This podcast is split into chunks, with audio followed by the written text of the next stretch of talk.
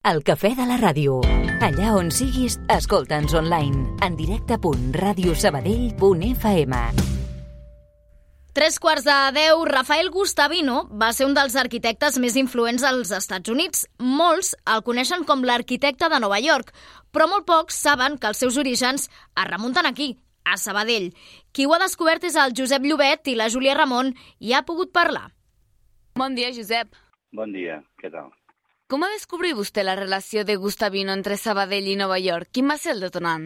La, un amic meu em va regalar un llibre, que és la novel·la biografiada del, o biografia novel·lada del Guastavino, de Rafael Guastavino, que teòricament l'explica el fill petit de Guastavino, que és el que el va acompanyar o va marxar amb ell a Nova York, eh, el 1881, i aquesta novel·la explica molt bé, i no ha un moment de la novel·la que explica la relació del Guastavino amb el Buixeda. I quan va veure la de Buixeda dic que això és molt sabadellenc. I a partir d'aquí jo havia estudiat molt bé el, els edificis històrics de Sabadell, perquè havíem fet el primer pla de protecció del catàleg amb el Jaume Puig, i havíem, diguem que ens havíem patejat tota la ciutat i, i anàvem anotant aquells elements que per a la història de l'arquitectura o per a la història de Sabadell eren emblemàtics. Aquí va venir l'enllaç meu de Buixeda, Sabadell i Guastavinos, diguem-ne més enllà d'aquest treball de camp, li va resultar difícil estirar del fil i, i arribar fins a ell i veure doncs, que havia doncs, signat tant edificis tant aquí a, a Sabadell no, com a, a Amèrica? Uh, el Guastavino tenia una mica complexa d'arquitecte, entre cometes, perquè ell va venir de València molt jove, als 16 anys. De fet, el seu tiet Ramon era una família molt humil de València, de 14 o 15 germans, era el tercer, eh, passaven bastantes penúries a València i el, i el tiet Ramon, que és el tiet més gran de la família, eh, tenia negocis amb els tèxtils, va tenir, era el propietari dels almacenes de l'Àguila, i amb això va, el van portar a Barcelona. I a Barcelona hi va estar 20 i pico d'anys, del 59, que és justament quan es va inaugurar el Pla Cerdà, fins l'any 1881, que, que és quan se'n va anar a Nova York, i va estar molt temps i, i molt sobre la influència del, del tiet Ramon, diguem-ne. I el tiet Ramon el que li va obrir les portes als grans fabricants de Sabell. El propietari dels almacenes de l'Àguila, que venien teixits, i per tant els propietaris del tèxtil, del sector tèxtil i tot el sector industrial eh, tenien una molt bona relació amb el, amb el tiet Ramon i amb això li va obrir les portes tant a l'hora de, de treballar en despatxos com per treballar amb, amb empreses constructores. Per tant, ell tenia...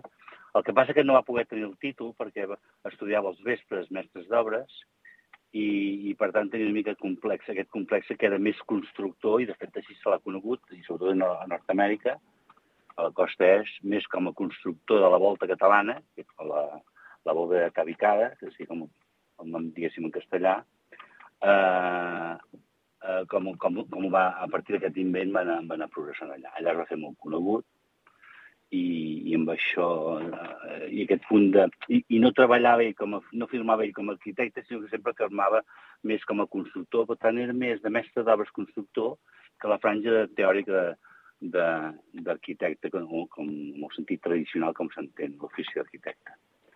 I creu que potser per això no, no és tan conegut com a, com a arquitecte i que el, doncs, el seu traç ha quedat una mica més desapercebut?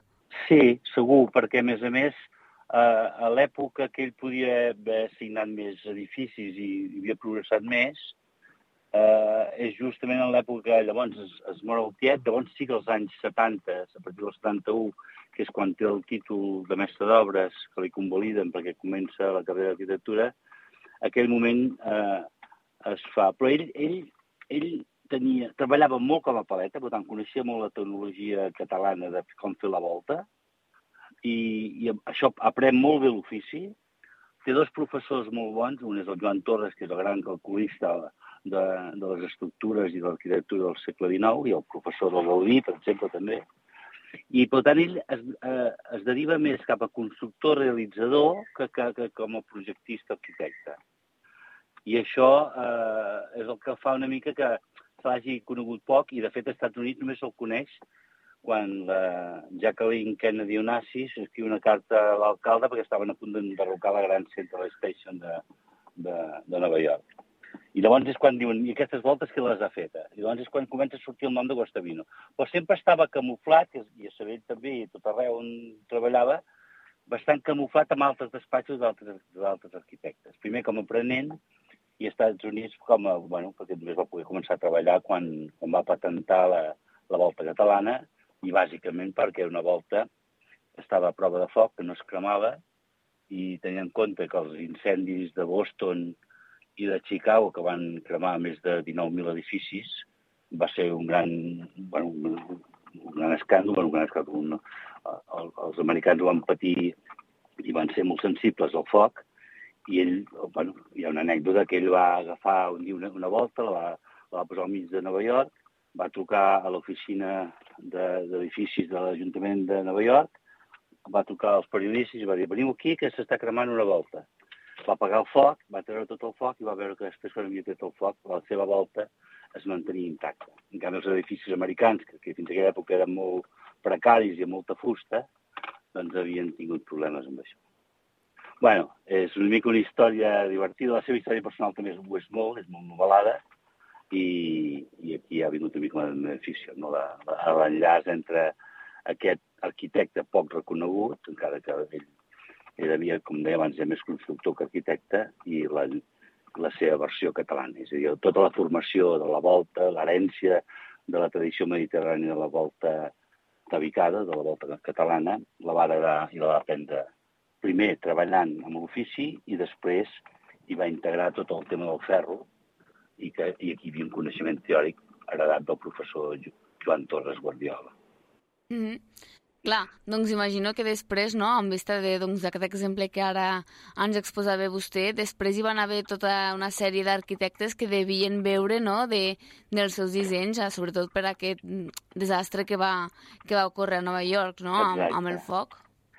De fet, és molt divertit veure els planos dels arquitectes americans del moment, que dibuixaven els, els seus plans pels seus clients, i eren pocs arquitectes i molt influents, i que tenien la majoria dels grans clients d'aquell moment a, en l'època final de, de, del segle XIX als Estats Units, on tenien aquesta necessitat d'identificació nacional, que l'arquitecte Guastavino els hi va ajudar, però el bo és que als seus plans veus uns requadres, uns, uns, uns llocs buits, i en vez de dibuixar i calcular el plano, deien aquí posarem un Guastavino. O sigui, ja tenia fama de que era com si diguessis aquí posaré una escala, doncs aquí posaré una sala d'estar, doncs aquí no. Aquí posaré un, un espai obert, ampli, maco, eh, monumental, que és com s'entenia la del Guastavino. De fet, ha estat a Nova York encara hi ha molts edificis on es pot veure molt bé l'arquitectura d'ell.